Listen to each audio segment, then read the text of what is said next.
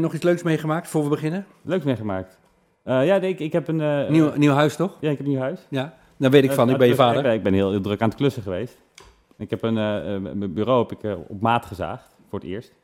Dus dat een, kan jij? Ja, hij hing te hoog. Dat had de volgende bewoner gedaan. En dan moest omlaag. Maar er zat een verwarming in de weg. Dat ja. rustte die op. Dus er moest zo'n precies een verwarming voor mijn gat uitgezaagd worden.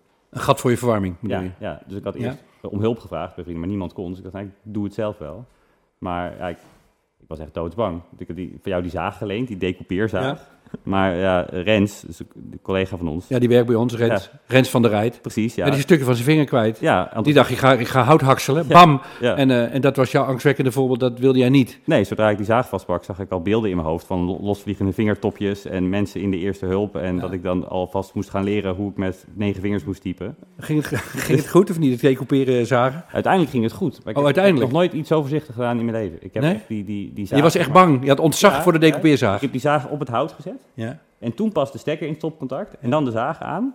En dan zeg maar, als ik, als ik klaar was met een stukje zagen, ik doe met mijn hand... Je moest door de bocht? Moest door de bocht, stekker eruit, zaag uit het hout. Ik, ja, echt ja, het is, ik vind het wel goed dat jij... Ja, deze hele podcast gaat alleen maar over het zagen van jou. We gaan nooit beginnen met het echte. Maar wat wel grappig is, wat ik, uh, we, hebben ook een heg. En je hebt ooit onze heg ook uh, geschaard. En die heggenschaar, die heeft, moest je dan vasthouden met je hand. Dan moest je hem aan en uitzetten. En aan de andere kant moest je vasthouden, zodat je kon zagen, zeg maar.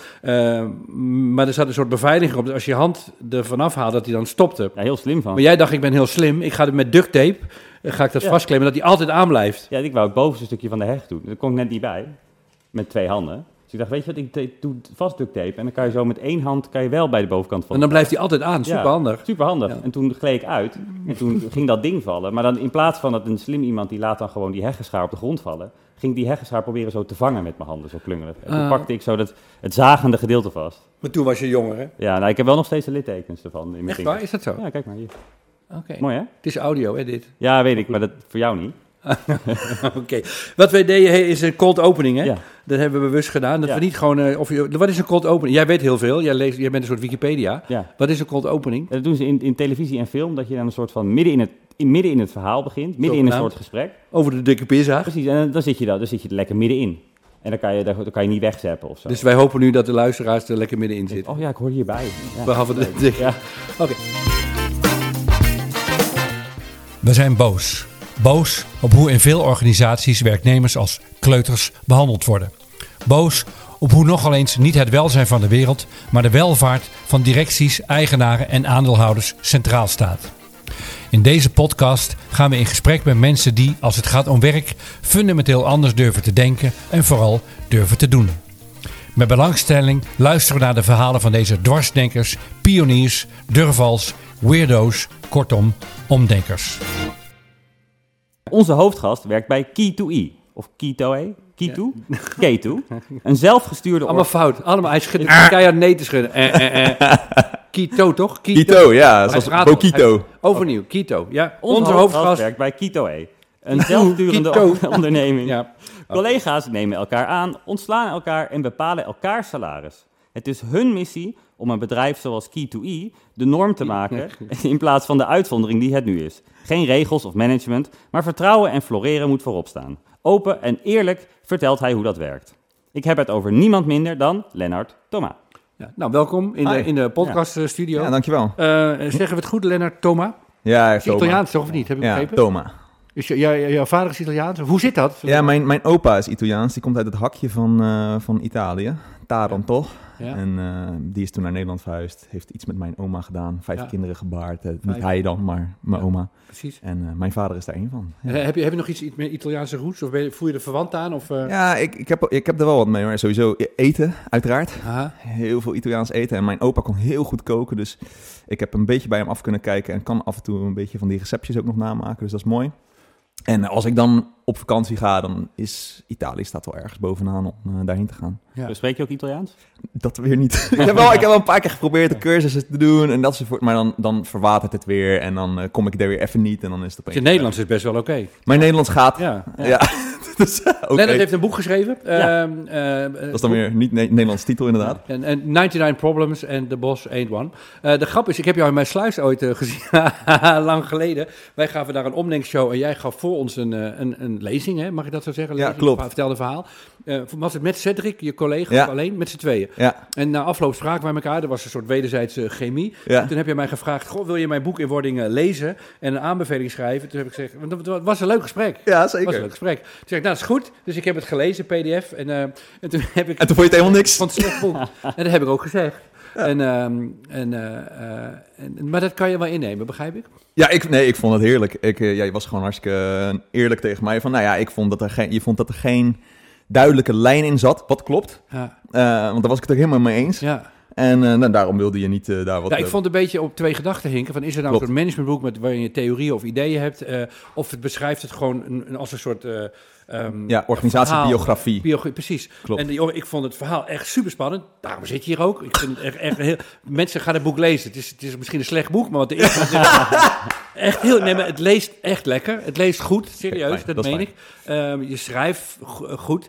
Um, en, waar, en waar het over gaat, en daar zitten we natuurlijk ook voor bij elkaar. Ja. Wat je hebt meegemaakt de afgelopen jaren is gewoon een fascinerend uh, verhaal. Ik ja. weet niet zo goed waar we moeten beginnen. Nou, ik was wel eerst benieuwd. Jullie, zeiden, jullie zijn heel boos, hè? Maar ja. moet, moet ik dan ook boos zijn? Of is dat niet, uh, hoeft dat niet per se? Je, moet vooral heel erg jezelf zijn. Ja, nee, oké. Okay. Ja. Ik ben niet zo snel boos nou. Nee, nee het, het is ook een beetje overdreven. Maar in zekere zin is het wel waar. Zo weet ik bijvoorbeeld van Jan, onze oudste zoon. Ja. Uh, de, de, de, Jan was altijd zo boos over school. En, en nog steeds. Nog ik. Ook, ik ook. Ik Als ik, ik noem het woord school en ik word boos. Omdat op school word je gegijzeld. Andere mensen bepalen voor jou wat je moet leren. Dus die, die wij, ik denk dat ik, maar jij moet maar voor jezelf spreken, Jan. Ik, ik heb wel een hele oorspronkelijke woede als het gaat om dat mensen voor mij bepalen hoe iets moet. Dat, ja. dat trek ik niet. Nee. En voor mij trek jij dat nee, nee. ook niet. En heel veel bedrijven ja, worden mensen echt als kleuters behandeld. En nou, een goede vriend van jou zit, werkt in Amerika bij een bedrijf. Ja. En wat jij daarover vertelt, nou echt, dat is om te huilen. Ja. Maar ja, dat is gewoon een heel serieuze corporate uh, organisatie. En dat wordt heel serieus genomen, ja, in de buitenwereld. Ja. En, en het is in die zin misschien ook niet zozeer boosheid, maar meer gewoon verontwaardigd. Frustratie. Dat, waarom doen we de dingen zo dom op zo'n grote schaal? Ja. En heel veel mensen vinden werk het meest belangrijke wat ze doen. En dan doen we dat op de domste manier. En, en niemand die daar vraagtekens bij stelt. Ja. En daar, dat, daar ben ik wel verontwaardigd over, ja. ja dat snap ik. Ja. ja. En misschien is daarom goed, dat ik had bedacht om het wat later te doen, maar laten we maar meteen beginnen. Mijn, mijn zus, ze heet uh, Anja, ja. die werkt bij een bedrijf en ze heeft ook wat dingen over verteld. Ik heb gevraagd of zij uh, een berichtje wilde inspreken op WhatsApp, uh, audio dingetje. Ik wil dit met je delen, Lennart. Dit is dus uit de praktijk, hoe er gewerkt wordt. Yes. En dan misschien is dit een soort opmaat om het, waarom zijn we nou boos over dingen en hoe zou het vooral ook natuurlijk anders kunnen, want dat is natuurlijk de goede vraag. Waar gebeurt het verhaal dus? Dit is allemaal, ja, ze spreekt, ze heeft netjes, ze leest het keurig voor beetje schools, maar de, de, het is authentieke inhoud. Dus daar komt hij. Hoi, ik ben Anja. Ik heb gewerkt in een callcenter bij Juresta in Apeldoorn. In 2014 ging het financieel slechter met het bedrijf, een incassobureau. Vanaf dat moment werden de regels steeds strenger en werden regelmatig collega's ontslagen. Vooral diegenen die zich niet aan de regels hielden en kritiek hadden op het bedrijf. We werden steeds later betaald. Het werd een salarisachterstand van maanden. Ook daar mocht je niets van zeggen. Zelfs het vakantiegeld werd niet betaald. Om zoveel mogelijk rendement te halen, mochten we maar weinig naar de wc. Liefst alleen in de pauze. En als je dan toch moest, hing er één ketting die je om moest doen als je naar de wc ging. Dit om te voorkomen dat er meerdere mensen tegelijk naar de wc gingen het zou dan wel eens gezellig kunnen zijn en te lang duren voor je terug was op de afdeling. We werden echt behandeld als kleuters. Bah, wat een rotbedrijf. Nou, dit was hem. En dit is dus echt gebeurd. Een plasketting. Jezus Christus. Wat ze op kleuterscholen hebben. Plaskettingen. Oh, dat doet echt pijn aan mijn ziel. nee, en, en, Echt, het is een hele afdeling van mensen die dat allemaal gewoon dan maar accepteren. Dat, dat, dat, die, dat, dat niemand van hun dan zegt. Dat, dat het ook niet de norm is dat je zegt van nou sorry, nee. We doen hier met z'n allen weer niet, niet meer. Ja. Het bedrijf heet Juresta. Ik heb nog even gegoogeld. Ze zijn uh, failliet gegaan. Uh, maar het is een hele serie BV's. Dus ze, gaan gewoon, ze starten gewoon door.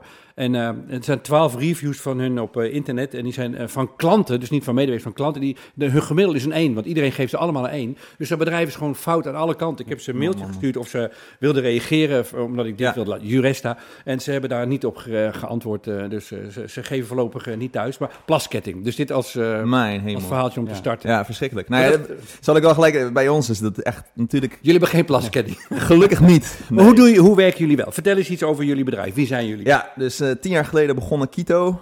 ik ben niet de oprichter. Um, dat zijn Cedric en Patrick. Cedric en Patrick. Seth en Pat. En die zijn tien jaar geleden, zijn twee vrienden van elkaar. Uh, die wilden een bedrijf starten waar ze graag zelf in zouden willen werken. Daar, daar kwam het eigenlijk op neer. Dat was de, de start. En nou, ze zijn een beetje lui of uh, gemakzuchtig, dus ze willen ook heel veel dingen niet bijhouden. Dus een van de dingen die ze bijvoorbeeld al niet bijhouden hielden, was vakantiedagen. Eh, dus nou ja, dan heb je al een Want beetje... ze waren met z'n tweeën of hadden ze toen al mensen in dienst? Ze, ze begonnen met z'n tweeën, maar langzaam zeker uitgebreid. Um, ik kwam daarna de in het derde jaar uh, ben ik uh, erbij gekomen. Toen waren ze met z'n zevenen. 2014, als ik goed heb. 2014, ja. ja. En uh, nou ja, ze waren dus, voor mij waren ze al een beetje anders. Dus ik vond het wel interessant. Ik maar was dat een bewuste keuze van hun of liep het gewoon zo? Of het liep een beetje zo. Dus ja. ze waren eigenlijk onbewust met goede dingen bezig. Ja. In mijn ogen. En um, langzamer zij, toen ik erbij kwam, toen probeerde ik juist ja, dat want wie was jij dan? Wie, hoe kwam jij bij hun terecht? Ik, ik, had, uh, nou, ik was acht jaar lang aan het studeren, want ik wilde niet werken. Want een beetje frustratie over werk. Ik was heel erg bang om naar een baan te gaan waar ik in een cubicle moest zitten. Achter een of ander ding waar een baas tegen mij zou zeggen dit en dat. En ook zo'n ketting misschien om moest. En dat ik uh, naar de klok aan het staren was tot het vijf uur was en dan mocht ik weg. Ik had daar helemaal geen zin in. Dus ik ben psychologie gaan studeren, nog na mijn International Business studie. Mm -hmm. En toen ben ik organisatiepsychologie gaan doen. En uiteindelijk deed ik uh, mijn afstudeerscriptie bij 16 verschillende organisaties, mijn onderzoek. En want ik wilde weten of transparantie, interne transparantie, zou leiden tot meer bevlogen mensen. Dat was je onderzoeksvraag. Dat was mijn onderzoeksvraag. En zo kwam je ook bij Kito, hè? Kito. kwam ik bij Kito. Kito ja. zeggen we toch? Kito? Ja, Kito. De Kito. Nee, niet Kito-i. Ja, het komt van Key2e, Key2 e-commerce. Daar, dat is ja. een webshopbouwer. Maar we zeggen gewoon lekker plat Rotterdamse Quito. Quito. Net als de gorilla in Blijdorp, Ki Boquito. Boquito. In de stad ja. in Ecuador. Precies. Heet die ook zo? Daar heb, Quito. Wat dat weet nog, je toch veel? Onvoorstelbaar. En dat is nog Mooi, een grappig, grappige anekdote. We hebben trouwens een keertje een voetbal uh, dit, deze, dit loopt nu al uit. De, ja, we, we gaan het gaat al alle van de kanten agenda af. Maar, En ja? was dat ook vanwege de naam dan? Ja, zeker, tuurlijk. Ach, ja. geweldig. Dat, vind, ik- dat vind ik mooi. Dat vind ik heel grappig. Vanwege de naam gingen we naar een voetbalveldje. Daar uh, hebben we gesponsord of weet ik veel. Oh, grappig. Um, maar in ieder geval, ja, dus, nou ja, Quito dus. Transparantie, leidt transparantie tot meer bevlogenheid. Dat was de onderzoeksvraag. En dat was ook zo uiteindelijk. Eh, dat ik kon je, hard bewijzen. Nationaal kon je hard bewijzen. Ja, Nationaal Nederlanden deed ik het onderzoek bij, bij Schiphol groep, maar ook wat kleinere organisaties van alles en nog wat. Maar ook bij Quito. En ook bij Quito, Ja. in Maasluis, Ja. gekhuis. En ja, ik kwam daar binnen, ik, had, ik deed mijn eindpresentatie nadat ik afgestudeerd was. En Cedric zat daar en die zei van, ja, dat is wel interessant. En hij was een beetje gefrustreerd, want ehm, hij, ze, ik ging ze benchmarken, dus al die bedrijven naast, naast Ja. elkaar. En hij verscheen overal wel in de top drie, met verschillende dingen die ik aan het eh, Voor onderzoeken degene die weet wat benchmark is, gewoon vergelijken. Vergelijken met En elkaar. wat, en, wat, en wat vergelijk je dan? Dus eh, de, de, de transparantie, hoe, eh, hoe, hoe hoog de transparantie was tussen die verschillende bedrijven. De ene was veel transparanter dan de ander. En de ene was meer bevlogen dan de ander. En zo had ik nog wat constructen Ja. die ik aan het onderzoeken was. En ja, sommige bedrijven deden het beter dan andere bedrijven. En die gingen dus tegen elkaar vergelijken. Dat vonden ze allemaal leuk. Dat was Ja, een beetje ja, mijn pitch om bij de bedrijven Tot binnen te top komen. die bedrijven die transparant zijn. Nummer twee zal je verbazen. Ja, nou, en dus nummer twee en nummer drie was elke keer Quito en nooit stonden ze op één. Dus Cedric was een beetje gefrustreerd en die zei, hoe kan het nou, weet je, want we zijn toch zo klein en we doen toch alles goed? Ik zei, nou ja, Dit blijkbaar niet alles. Het kan nog wat bewuster, het kan nog wat actiever. Ik zei, oh, oké. En wat ga je nu doen? Ik zeg, ja, nu moet ik een keer toch een baan vinden. Want ja, acht, lang, acht jaar lang studeren, het is nu al een keertje tijd. En eh, toen zei ik, nou, we hebben nog facturen, kijk maar even. En zo ben ik bij Quito terechtgekomen. En, en wat was jouw, eh, eh, wat, wat, wat was het doel van jouw aanwezigheid dan? Ja, dus Wat, wat doet, even wat doet Quito? Quito? Ja, dus Quito is, een, eh, is van origine dus een webshopbouwer. En nu hebben we eigenlijk geen flauw idee meer wat het is. Want we doen marketing, we nemen ook podcasts op, net als jullie. Maar we zijn ook een geaccrediteerde hogeschool. Je kan bij ons een bachelor moderne bedrijfskunde halen. Er is een collega die maakt limoncello. Eh, we, zijn, we Er hebben is een, geen, de er is geen touw vertrekken. aan vast te knopen. We Nee. snappen het zelf niet meer wat er allemaal gebeurt. Eh, Nee, maar dat maakt het ook leuk. En hoeveel, even, even, even, hoeveel mensen staan er ongeveer op de payroll? Eh 40 tot 50. Ja. Ja, dus we zijn toch wel nou, in die, in die Best wel een grote club. Zijn we aardig gegroeid. Het is nog een serieuze club. En het bestaat uit verschillende entiteiten die allemaal hun eigen Maar dingen toen jij kwam, websites bouwen en Websites bouwen, web- webwinkels, toch? Dat was Ja, een dus ik was gewoon, ik deed, ja, IT-bedrijf. precies. Nou, ja, een organisatiepsycholoog op zeven man is nogal overkill. Ja, lijkt me, Dus, lijkt me ook. dus ik begon als projectmanager en ik hielp dan eh, nou, die projecten te leiden om die websites te maken. Ja. En ondertussen kon ik me dus bezighouden met de organisatie. En ik had wel wat ideeën. Jij hebt over Ricardo Semler ook geschreven Ja. in een van je boeken. Dat was ook mijn inspiratie toen Tegenlicht aflevering in 2013 kwam. Voor degene die dit luisteren en Ricardo Semler niet kennen, echt lees het, echt fascinerend. Ja, Braziliaanse ondernemer die het heel anders doet. Nou, daar was ik helemaal een soort van awestruck door. En ik dacht, dit ga ik dus doen met mijn leven. Dit, ik wil in een organisatie komen waar ik dit mogelijk kan bewerkstelligen en kijken hoe ver ik kan gaan. En dus toen ben ik bij Kito, nou dat was een klein bedrijf. Ze zijn al een beetje anders, want ze houden dingen niet bij. Dus ik dacht, nou hier zit misschien wel... Eh, wat, wat, waren zo de, wat waren zo de eerste dingen die je wilde realiseren daar? Nou, ik, wil sowieso, ik wilde sowieso zeggen, nou oké, eh, jullie houden al die vakantiedagen niet bij. Dus we gaan ook daadwerkelijk zeggen dat we onbeperkt vakantiedagen hebben. En ik wil zo snel mogelijk dat alles transparant wordt in deze hele tent. Ja. We zijn maar met zeven man, dat is vrij makkelijk te doen. En zij dachten dat ze al heel erg transparant waren, tot ik vroeg van ja, maar zijn de salarissen dan helemaal open? Weet iedereen de salarissen? Nee ja, ze kunnen het soort van weten, maar niet echt. Niet. Cedric en Patrick waren toch een beetje degene die dat allemaal wisten en vasthielden. Nou, en toen heb ik ze kunnen overtuigen, langzaam zeker, dat ze dat verder moesten loslaten. En zo zijn we eigenlijk verder gegaan. En uiteindelijk wilde ik, ik zei toen al een paar jaar van tevoren, van nou, ik wil dat deze organisatie een plek wordt waar collega's hun eigen salaris gaan bepalen. Ze zei, ah, je bent gek. Je, dat kan helemaal niet en dat is moeilijk en weet ik veel wat. Ik zeg, nou, wie weet. En dat ben ik gaan herhalen en herhalen. Totdat ik op een gegeven moment op een dag dacht, nou, nu kan het wel. En toen heb ik het gedropt.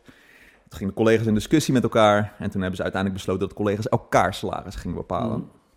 En nu hebben we uiteindelijk wel zover dat een van de entiteiten waar ik dan in zit, ook daadwerkelijk collega's hun eigen salaris maar de, je, om zo'n verandering te bewerkstelligen, moet je dus heel veel hindernissen overwinnen. Onder andere wat mensen gewoon gewend zijn te doen. Zeker. Uh, je kan wel een leuke structuur bedenken of een goed plan neerleggen, maar gedrag van mensen moet wel in dat plan. Wat, wat, voor, wat voor soort weerstanden kwam je tegen dan? Uh, alles. Uh, dus mensen, sowieso, um, mensen die er werken, heel veel mensen zijn ook weggegaan uiteindelijk, doordat we dus wel evolueerden naar een andere soort organisatie. Maar gewoon omdat ze niet in, in zo'n werksfeer... Die, die, ze vonden het eng. Hè, dus echt bang dat je dus uh, je salaris open en bloot ligt op een gegeven moment. Ja, dat is best wel spannend. Eh, want dan gaan mensen wat vinden daarvan. Uh, en wat vind ik daarvan? En dat vinden ze allemaal spannend en eng. Durf ik wel te vragen wat ik waard ben? Of vraag ik te veel of te weinig? Precies. Dus dat, en heel erg, nou, die transparantie zorgt ook voor dat je veel duidelijker een beeld had van wat iedereen aan het doen was. Ja. Uh, en dus misschien mensen zich door, daar ook een beetje door aangevallen voelden. Ja, dan weet iedereen wat ik doe. Uh, dat wil ik eigenlijk niet. En misschien val ik door de mand. Een soort imposter syndrome, mm wat er een beetje in zit. Dus dat is wel interessant. En ook gewoon ja, het feit dat uh, heel veel mensen gewoon denken... ja, maar dat kan niet. Want dat werkt zo niet. En daar zijn we, dat is echt nog wel een van de grootste soort... Zo werkt dat niet. Is en dat is de titel van deze ja. podcast. Ja, nou ja, dus uh, ik zit hierbij omdenken. Ik denk dat dat wel past inderdaad. Ja. Ja, nee, het is echt, echt dat. Gewoon echt, nee, dat kan niet. Dat hoort niet in het bedrijfsleven. Dat hoort niet zo te zijn. Dus dan doen we dat ook niet zo. En ik stelde eigenlijk alleen maar waarom vragen. Ja. En we hielden ook waarom, waarom, waarom sessies. Simpelweg om te zorgen van, ja, waarom hebben we bepaalde dingen? Waar slaat het op? Wat, wat, wat is dat precies van waarom, waarom, waarom sessies? Heel simpel, je gaat met een, met een groepje mensen zitten en dan zeg je, nou, schrijf maar stellingen op het bord met waarom vragen. Waarom krijgen stagiaires uh, altijd minder betaald dan vaste collega's? Waarom uh, werken we niet in het weekend? Uh, waarom hebben we contracten op basis van uren? 40 uur, 32 uur, dat soort dingen. en waarom niet, laten we dat niet los? En, en dan, waarom moeten we groeien? Waarom moeten we groeien? Waarom moeten we een focus heel hebben? Socratisch vind ik het. Ja, nou, waarom nou moeten we gebouwen hebben? Precies. Whatever. Ja. Alles. Elke waarom is welkom. Al, ja, alles is welkom. En dan turven we uiteindelijk, want we kan niet alles behandelen, turven we uiteindelijk. Iedereen heeft drie turfjes en degene die uh, overblijft, die gaan behandelen. En uh, nou ja, dan, uh, gaan we gewoon, dan gaan we proberen die vragen te beantwoorden. Iedereen mag daar een poging op doen. Dus waarom krijgen stagiaires dus altijd minder betaald? Nou, dan wordt er nagedacht en dan wordt er iets gezegd. En dan mag de, iemand anders dus daar weer, waarom dat dan? waarom is dat het antwoord? En dan gaan we nog een laagje dieper, nog een laagje dieper, totdat we er niet meer uitkomen. Of er komt juist een hele goede, een heel goed antwoord. En dan heeft iedereen begrip ook voor het feit dat iets zo is zoals het is. En, hoe, hoe, vaak doe je dan die sessies? Som, ja, die doen we één keer, twee keer in het jaar. Um, ja. Dus uh, dat, ja, dat komt op. Het is niet dat we dat structureel vastleggen, want zo zijn wij dan weer niet. ja. Dat gaat gewoon wanneer we iemand de behoefte nou, nou, je, je, je, begon dus als, als projectmanager. Ja. Uh, bij ideaal was, ik word de Nederlandse Ricardo uh, Semmler. Hoeft er niet per se dat te worden, maar ik, ik wil wel eens zoiets proberen. Je was, je, je, het was, lijkt mij dan een soort speeltuin waarin je theorieën kon gaan uitzoeken en toepassen. Hopelijk met... met toch? Ja, ik word wel eens een beetje de nutty professor van Kito genoemd, omdat ik het leuk vind om die sociale experimentjes te doen en te kijken hoe gek het gaat Dat en kan ik me gebeurt. super goed voorstellen, hoe leuk dat moet zijn. En Ja. dat je daar een soort vrijbrief eh, voor Ja, krijgt. het was heel, heerlijk en, hilarisch. Maar, maar de, was, hoe kan je beschrijven eh, hoe, het, hoe het ging met jouw eigen bevlogenheid? Had je in het begin dat je denkt, oh, waar begin ik aan? Of had je meteen het gevoel van, ah, er gebeurt hier... Was je zelf enthousiast? Dus Ja. je had jezelf imposter syndroom. Nee, nou, nee, ja, kijk, ik wist natuurlijk heel veel dingen niet. Dus ik, ik moest heel veel dingen uittesten. Ik had heel veel er wel over gelezen. Ik had al die boeken daarover ook al langs zien komen. Ik, ik ging ook mensen opbellen die ook soortgelijk in organisaties bezig waren. En daar had ik dan contact mee en leerde ik ook weer wat van. Maar ja, ik ging gewoon uittesten en voor mij was niks een probleem of bezwaar. En als het niet lukte, dan dacht ik, nou, dan komt het misschien later wel. Daar zijn we nog niet klaar voor. Dus ik was ook heel geduldig op een of andere manier. En ik kon gewoon in de tussentijd gewoon stapje voor stapje... zag ik de vorderingen. En dat versterkte mijn gevoel. En wat ook hielp was... Nou ja, Cedric, die, een van de oprichters... die vond sommige dingen echt eng... maar gaf mij echt elke keer de ruimte... en stimuleerde mij ook om te zeggen van... Nou, blijf maar gewoon doen, weet je. Ik weet nog niet wat ik ervan vind... Maar uiteindelijk zag je dat hij dat toch wel omarmde. bijzonder, is hij een bijzonder iemand? Ja, hij is, ja, hij is Maar wat is bijzonder. aan hem? Hij staat heel erg open voor alles. Ehm, eh, is een soort, van kwet, een soort kwetsbare leider. Dus hij, hij, hij vraagt ook continu van wat hij goed doet, maar ook wat hij fout doet en dat je dat dan tegen hem moet zeggen. En hij vertelt heel makkelijk over zijn privé-problemen of waar hij tegenaan loopt of wat hij lastig vindt. Zodat je gelijk het gevoel hebt, wauw, ik ken hem nu dieper. Er zit een vertrouwen daaronder en nu durf ik ook makkelijker dingen tegen hem te zeggen. En dat heeft hij met, nou, dat doet hij met, al kent hij niet, hij vertelt gewoon over de naaste dingen in zijn leven binnen de eerste minuut bijna, als je niet uitkijkt. Als hij een beetje het gevoel heeft dat je ervoor klaar bent of In je, boek, in je boek beschrijf je ook dat als hij met klanten praat, hij klant ook dat gevoel kan Ja. geven. Dat meteen tube open, Ja. vertrouwen. Ja, het is super knap. Dus eh, daar heeft hij echt een eh, soort van superkracht. En zonder zo iemand lukt het ook niet? Zeg je dat? ook? Nee, dat hoeft niet per se. Dat kan zeker zo, zonder zo iemand lukken. Alleen het hielp wel heel erg om mij een soort van die ruimte te geven. Ik, ik- ja, dat klinkt dan om arrogant, maar je hebt iemand soort van zoals mij nodig die dan dat aan, die elke keer eh, prikt en probeert de weg vrij te maken, zodat dit soort gekke dingen kunnen ontstaan. En met die ideetjes komt en dat soort van eh, doorzet. Maar het is wel heel fijn als er iemand aan de zijkant is met, ja, in eerste instantie macht, Mhm. die dan kan zeggen van, dit is goed. Dit, Dit gaan, we, door, Ja, weet je ja. En heel vaak zeiden ze, zei hij niet per se dat het door moest gaan, hoor, want heel veel dingen vond hij niks. Ja, Kreeg ik hem uiteindelijk wel zover dat hij dat dan gedoogde. Mm. En dan kwam dus bijvoorbeeld met het collega's die elkaar salaris gingen bepalen. Dat had ik van tevoren al tegen hem gezegd van, nou, ik wil dat collega's hun eigen salaris gaan bepalen. Toen zei hij, nou, als collega's dat dan gaan doen, dan wil ik wel een veto. En toen dacht ik, mooi, dan heb ik je. Weet je, want dan, nu kan je er niet omheen. Je, hou dat. Ik zei ook, prima, hou je veto. Toen zei hij, jemig, dat zeg je wel heel makkelijk. Ik zeg, ja, Ja. want nu ga je er in ieder geval in mee. En ik zie het als een experimentje. Als het niet lukt, kunnen we altijd terug. Een van de dingen die je beschrijft in je boek ook vind ik geweldig. Dat op een gegeven moment een ruimte drie keer wordt overgeverfd. Ja. En eh, heel veel mensen zullen dat dus stom vinden, want dan was het blijkbaar een slecht besluit. Ja. Ehm, maar ehm, een, een slecht besluit is alleen maar een slecht besluit. Ja, een besluit is een besluit. En Ja. van, van het een komt het ander. Nou ja, we zien het een beetje in die metafoor van verf, laag, eh, laagjes van verf. Maar als je dat natuurlijk op structuren of processen eh, ziet, is dat gewoon, je itereert. Dus je doet steeds een stapje erbovenop. Steeds wordt het net iets beter. Nou is Wij- met wij- verf ja. een beetje anders, maar... Ja. We hebben een soort hele rare gedachte met z'n allen gecreëerd. Dat je, dat je dingen kan uitdenken en plannen. Ja. En dat je kan voorspellen wat er Zet je op gebeurt. papier. En zet je op je papier een en plan van. uit drie opties kiest. En dan kan je dan opschrijven wat de beste is. Maar hoe weet je nou wat de beste is als je het niet doet? Nee. Je moet dingen proberen in het leven. Ja. Ja. En dat, dat, dat, maar ik denk ook dat, dat mensen snappen dit wel op theoretisch niveau. Ja, Maar dat moet ja, je wel doen. je moet het ook doen. En op, En op, en op kleiner niveau uh, Ja. werkt het ook. Mijn vriend vindt bijvoorbeeld heel raar dat als ik de, de- met een doekje het aanrecht aanneem, dat ik altijd op een andere, andere techniek gebruik. Omdat ik dan van, nou, misschien werkt het zo beter. Ja. En jij, dan gebruikt, even, jij gebruikt meerdere technieken om met een doekje je aanrecht schoon te maken. Ik wil weten wat En dat vertel je gewoon in een serieuze podcast. Ja, Wat voor technieken heb je dan allemaal? Dit wordt een heel lang gesprek. Nee, maar dit is heel goed. Ja. Dit is heel goed. Waarom, wat is hier goed aan? Nou, omdat je inderdaad... Je kan niet vast blijven hangen bij hetgeen wat er is. Je moet altijd blijven proberen, want er is altijd misschien wel ergens iets beters. Ja. Sommige dingen uit het verleden zijn goed. En als je daarbij kan houden, prima. Maar je moet altijd openstaan voor nieuwe dingen. Dus ook, ook met dat soort... En het begint vaak bij hele Ja. kleine dingetjes. Wat, wat, wat is tot nu toe jouw beste manier om een aanrecht schoon te maken dan met een doekje?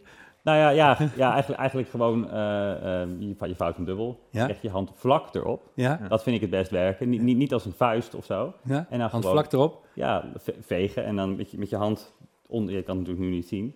En dan met, met, je hand een beetje het gruis opvangen. Dat aan, aan de onderkant van het werkblad. Precies, ja. ja. en, dan, en dan vooral uh, uh, niet te hard schrobben en druk zetten. Druk zetten heeft gezien, je kan beter... Maar jij vindt het echt leuk, jij vindt het leuk om dit soort dingen te onderzoeken en te verbeteren, ja. te perfectioneren. Ja, juist, juist die kleine dingen. Of, of bijvoorbeeld als, je, als ik dan thuis kom en dan van het moment dat je de deur inkomt en je doet je jas uit, totdat je iets anders kan gaan doen, moet je een aantal stappen doen. Je moet je zakken leegmaken, je, je portemonnee, dat soort dingen ergens neerleggen. En ik vind het fijn om zo'n proces dan te optimaliseren.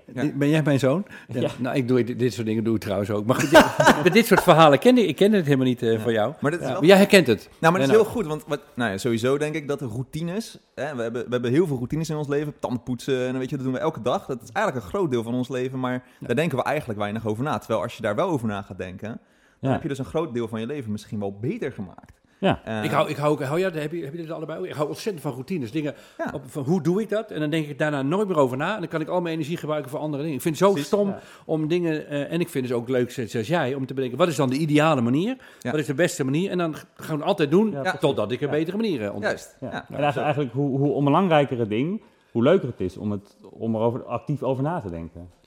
En heel veel mensen. En dat, is om, dat zijn van die waarom dingen. Ja, ook. trouwens heel grappig. Wij hebben, wij hebben vroeger deden wij een, vanuit Kito uh, hadden we een, uh, een gek ideetje voor een uh, wc-papier abonnement. En dat heette Smartest Club. En dan kon je dus wc-papier bestellen en dat op abonnementsbasis dan doorvoeren. Nou, het is eigenlijk helemaal niet zo heel erg goed gelukt, want wij hadden niet per se de servicekracht om dat goed te sustainen, zeg maar, of goed vast te houden.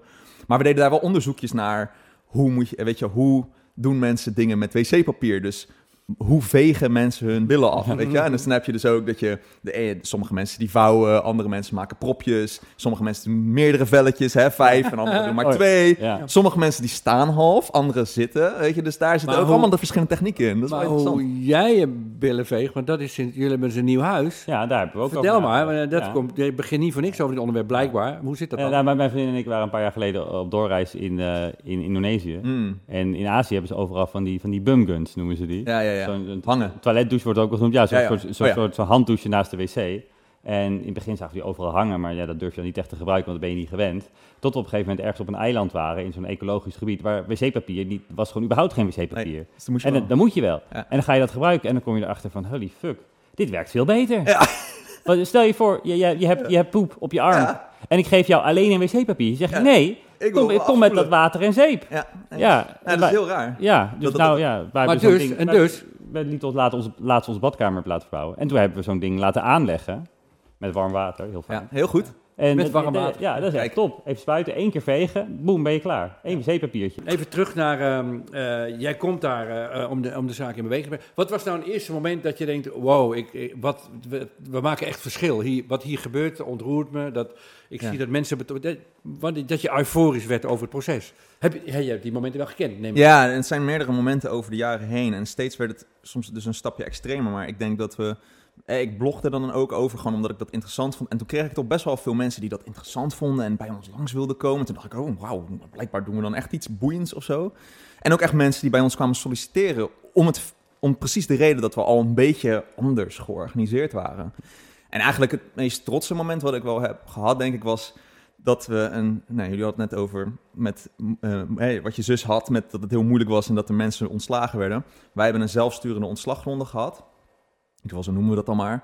Waarbij het financieel even wat minder ging. En de collega's met elkaar in de groep zelf gingen bepalen wie eruit uiteindelijk moest. In je boek beschrijf je dit ook. Hè? Je, ja. Een aantal vaste klanten vielen weg. Ja. Uh, dus inkomsten. En er waren net wat nieuwe mensen aangenomen. Dus Klopt. twee bewegingen die elkaar... Ja, dat ging niet helemaal goed. Uh, dus hoe, heb je dat, hoe heb je dat gedaan? Ja, ik, ik, dat was het nog wel dus het mooie. Ik heb daar niks aan gedaan.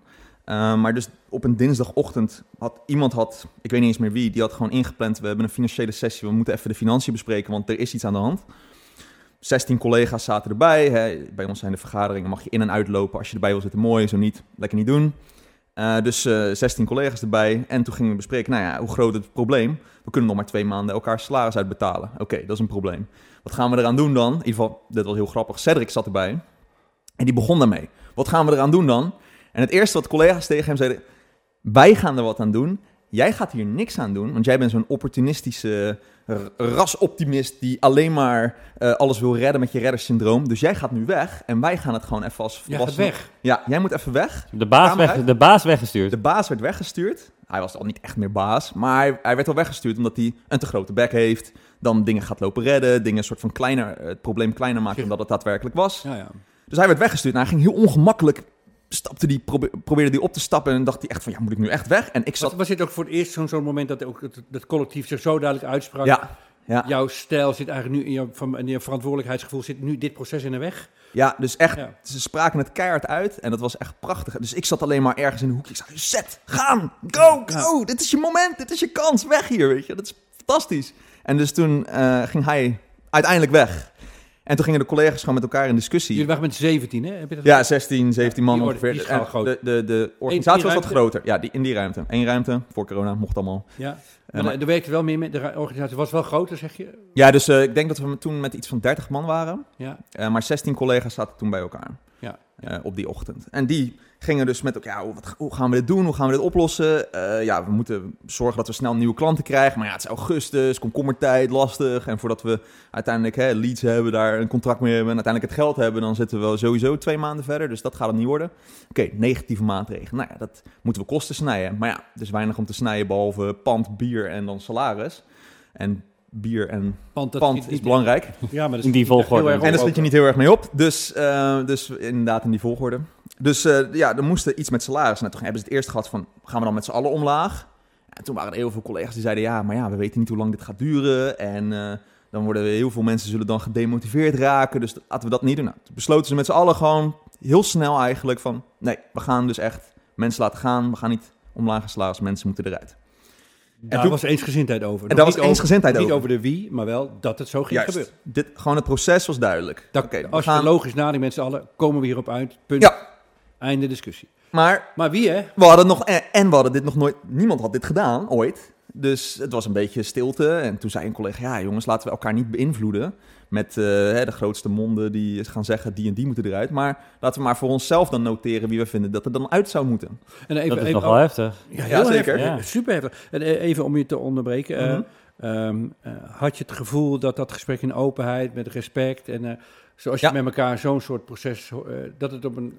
Het ging prachtig, wat mij betreft. Ik vond het zo, het ging heel menselijk. Het was gewoon van, iedereen zag, zat erin van, dit is niet leuk.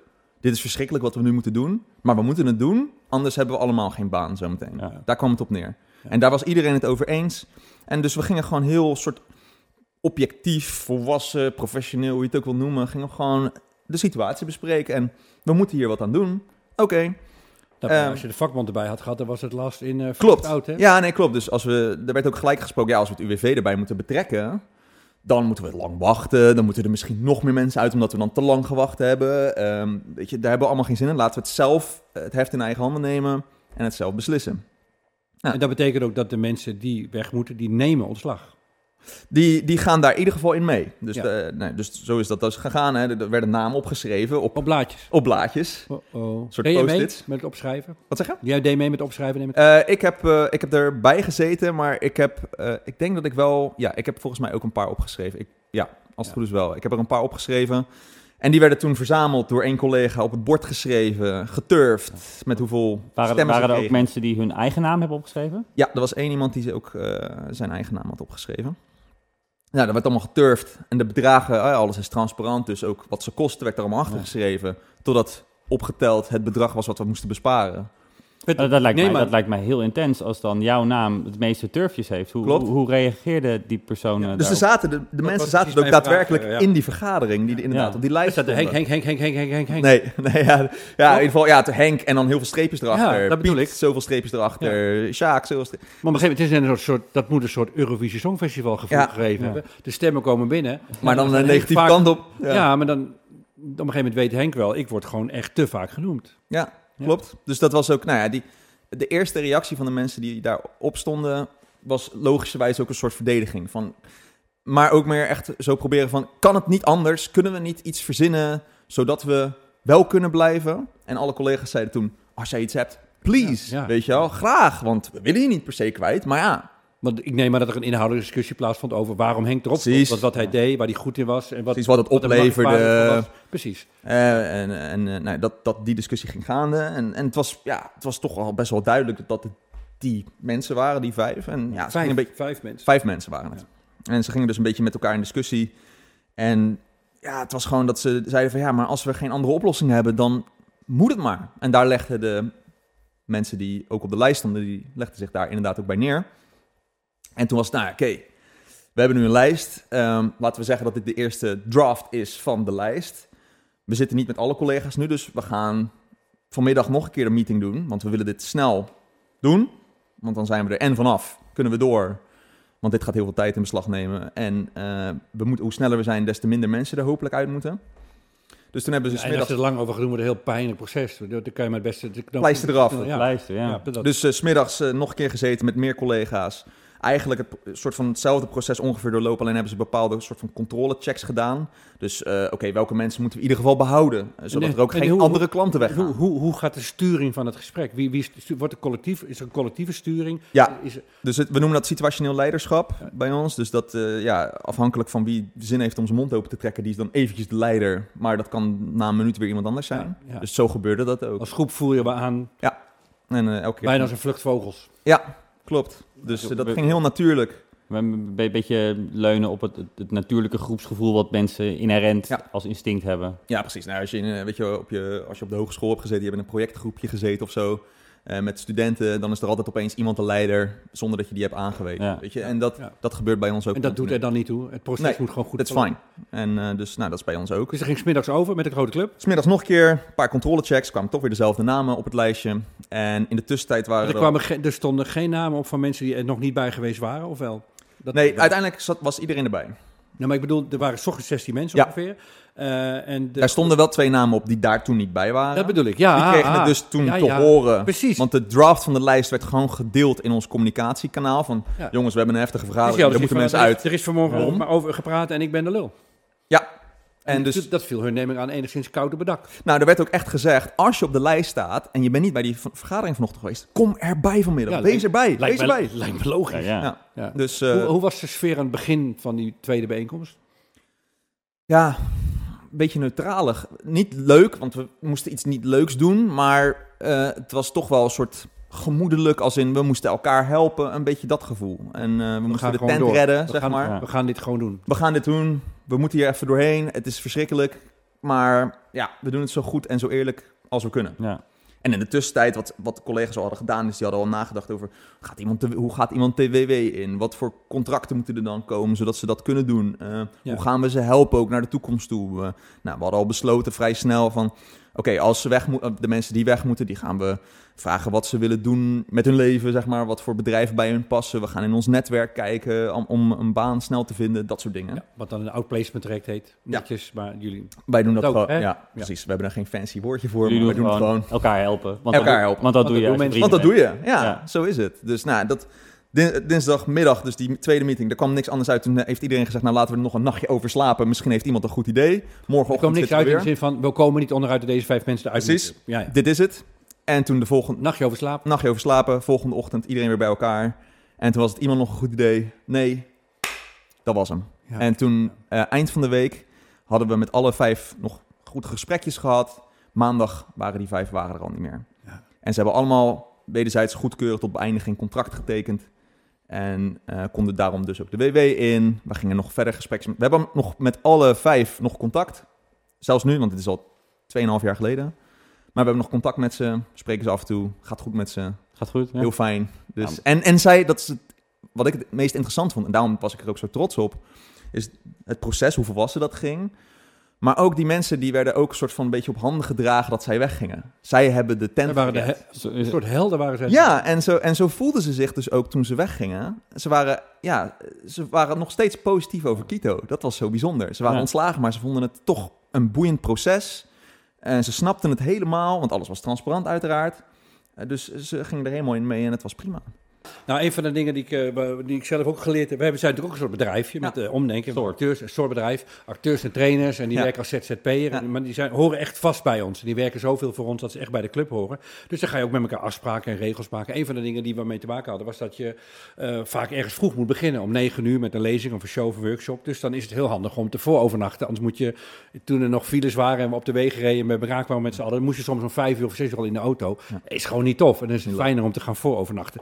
Dus Dus ehm, nou, dat kon dan soms. En op een gegeven moment dacht ik, ja, wanneer kan je nou wel voor overnachten en wanneer niet? Uh, hoeveel uur van tevoren? Ja, als iemand ergens tien uur begint. En uh, ja, sommige mensen die denken, nou, die, die gaan we heel erg makkelijk voor overnachten. Dat is helemaal niet zo tof. Dus op een gegeven moment kregen we, kregen we de neiging om een soort handboek regels voor overnachting. Want de grap is dan, hoe beter je het wil regelen, hoe meer uitzonderingen er komen. Daar moet je ook wel allemaal regels voor maken. En, dan, dan, dan, er zijn gewoon dan kom je sowieso sommige mensen die, die, zodra er een set regels is, gaan ze dan die regels gamen. Ja. En dan gaan ze, dan gaan ze, die regels, dan gaan ze binnen die regels het optimale resultaat halen. Maar dan doen ze, dan doen ze dus iets heel onethisch. Wat, ze zelf ook, wat ze zelf ook onethisch vinden. Maar van de regels mag de regels, de regels mag het. Ergo, dat is mijn onethische gedrag. Nu ethisch geworden. Ja, ja. danks. En, en wat, het kost dus een enorme stap. Uh, uh, ik ben wel benieuwd hoe jij er over denkt. Het kost dus een enorme stap om uit die fuik te stappen. Zeggen, weet je wat we doen? We regelen het gewoon helemaal niet. We, we, dreigen hier iets goed te willen doen, maar we stoppen het gewoon goed te doen. Want stoppen goed doen is misschien wel het beste wat je kunt doen nu. Ja, nou, we hebben één, on, één onderliggende soort... We hebben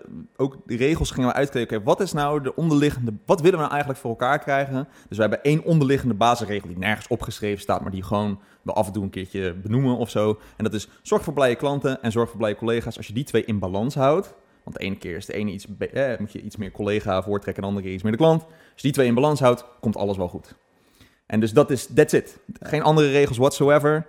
Natuurlijk zijn er wat ongeschreven, misschien omgangsregels die je soort van hanteert, maar dat is ook gewoon ja, goed met elkaar omgaan. Eigenlijk als een collega niet blij is of een klant niet blij is, dat moet je, Dan moet je er iets mee doen. Ja, en, en dan ga je gewoon erover nadenken. ook zo doen. Ja, maar elke, elke situatie is dan weer uniek. En daar gaan we niet een apart regeltje voor bedenken. En dat is ook wel mooi wat, wat jij zegt, Jan. Is dat ik denk ook dat nou ja, wat we aan de ene kant doen met Kito of zo'n soort bedrijf, is ervoor zorgen dat mensen meer bevlogen, lekkerder in hun vel zitten.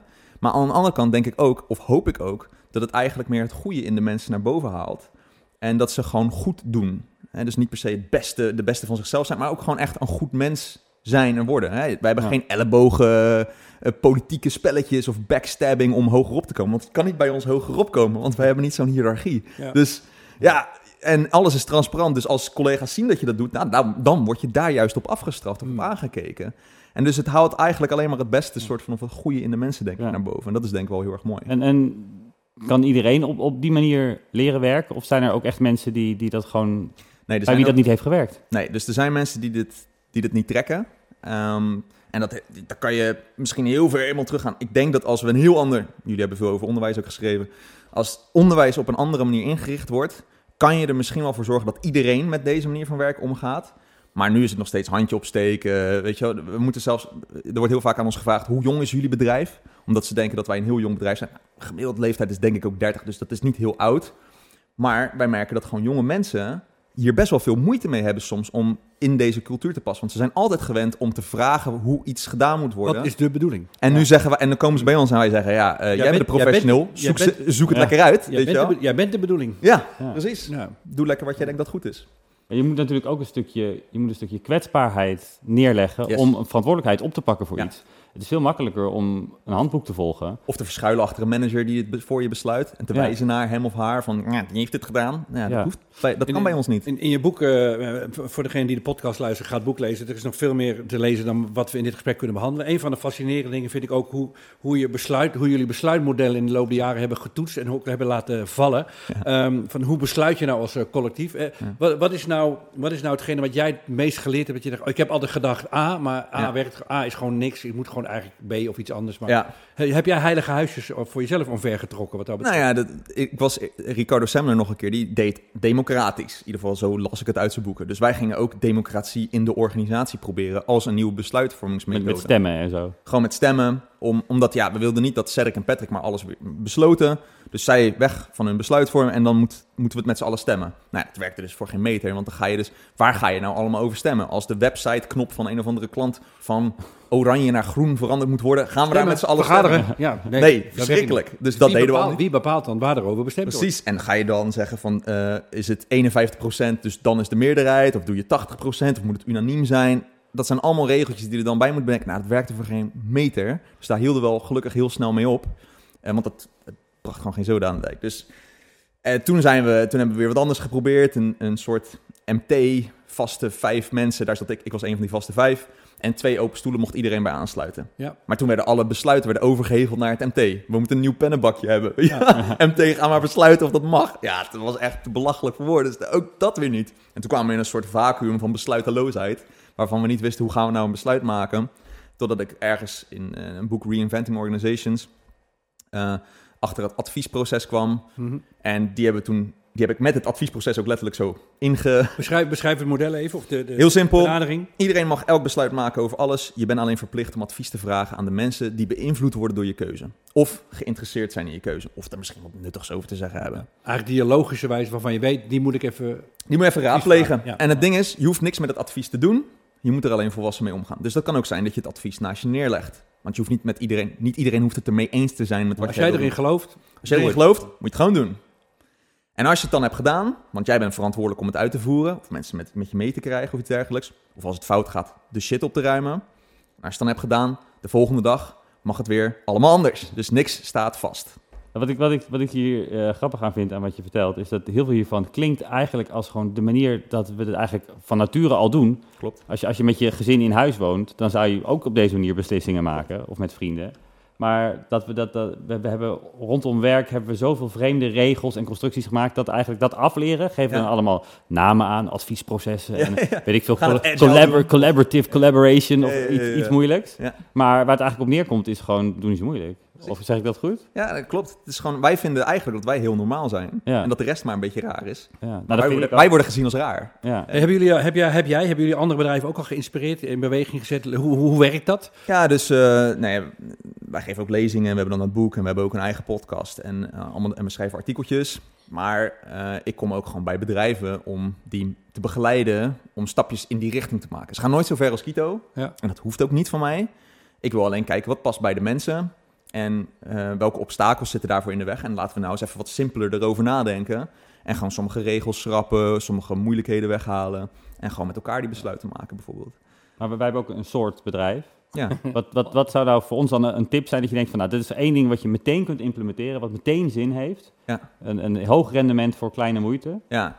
Nou, wat wij doen is, eh, dat noemen wij de collega-meting. Dat is een, een klein methodiekje, heel simpel, waarbij collega's soort 360 feedback geven. Alleen dan doen ze het vrijwillig vanuit hunzelf, geven ze feedback. Dus wat er normaal gesproken bij 360 feedback gebeurt, is dat jij als collega moet dan aan andere collega's feedback over jou opvragen. En wij doen het andersom.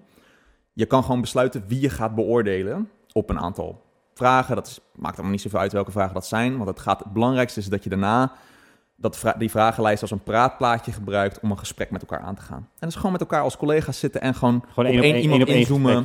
Nee, nee, nee, v- vier tegenover één of vijf tegenover één. Wat vinden wij van jou? Ja, en dan gewoon even gewoon open en met als hoofddoelstelling is de collega helpen een betere collega te worden. ja. Er zit er niks aan vast, geen beloningen of whatsoever. het, het klinkt heel confronterend. Als ik, als ik me nu moet voorstellen dat ik zo tegenover een soort pa- panel van judges moet zitten. Klopt, maar in eerste instantie, de eerste de mensen die bij ons nieuw ook binnenkomen, die vinden het in het begin ook eng. Maar zodra ze het één keer hebben gehad, dan merken ze dat het puur is om de ander te helpen. Want als die, Ja. die intentie is Als die intentie hè? gewoon puur blijft en, en er is, dan is er niks aan de hand. Want iedereen is er gewoon om te vragen naar waarom doe je bepaalde dingen zo? En dan kan jij uitleggen. En dan geeft dat begrip ook aan onze kant, aan, de, aan de groepskant.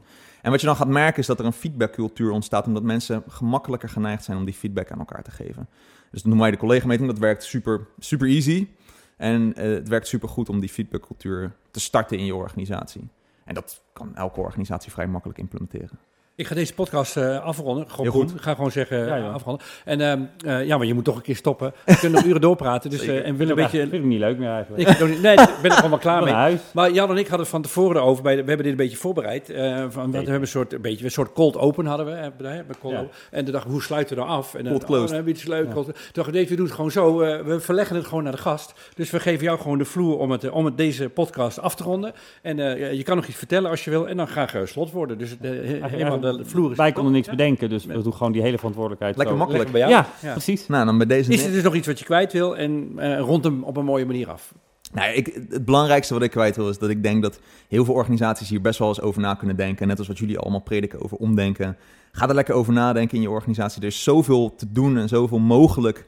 Eh, veel meer dan je voor mogelijk houdt, zeg maar, wat er in een organisatie kan. Doe gewoon lekker allemaal normaal. Daar komt het eigenlijk op neer. Ja. En eh, dan komt het allemaal wel goed. En wordt het een stuk leuker met z'n allen. Dus eh, Heel Nederlands eigenlijk. Ja. Doe gewoon normaal, joh. doe gewoon normaal. Ja. Doe je al gek genoeg.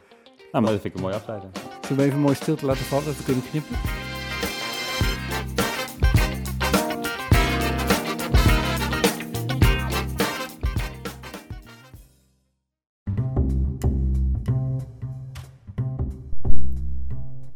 Dankjewel voor het luisteren naar deze speciale podcastreeks over omdenken op het werk.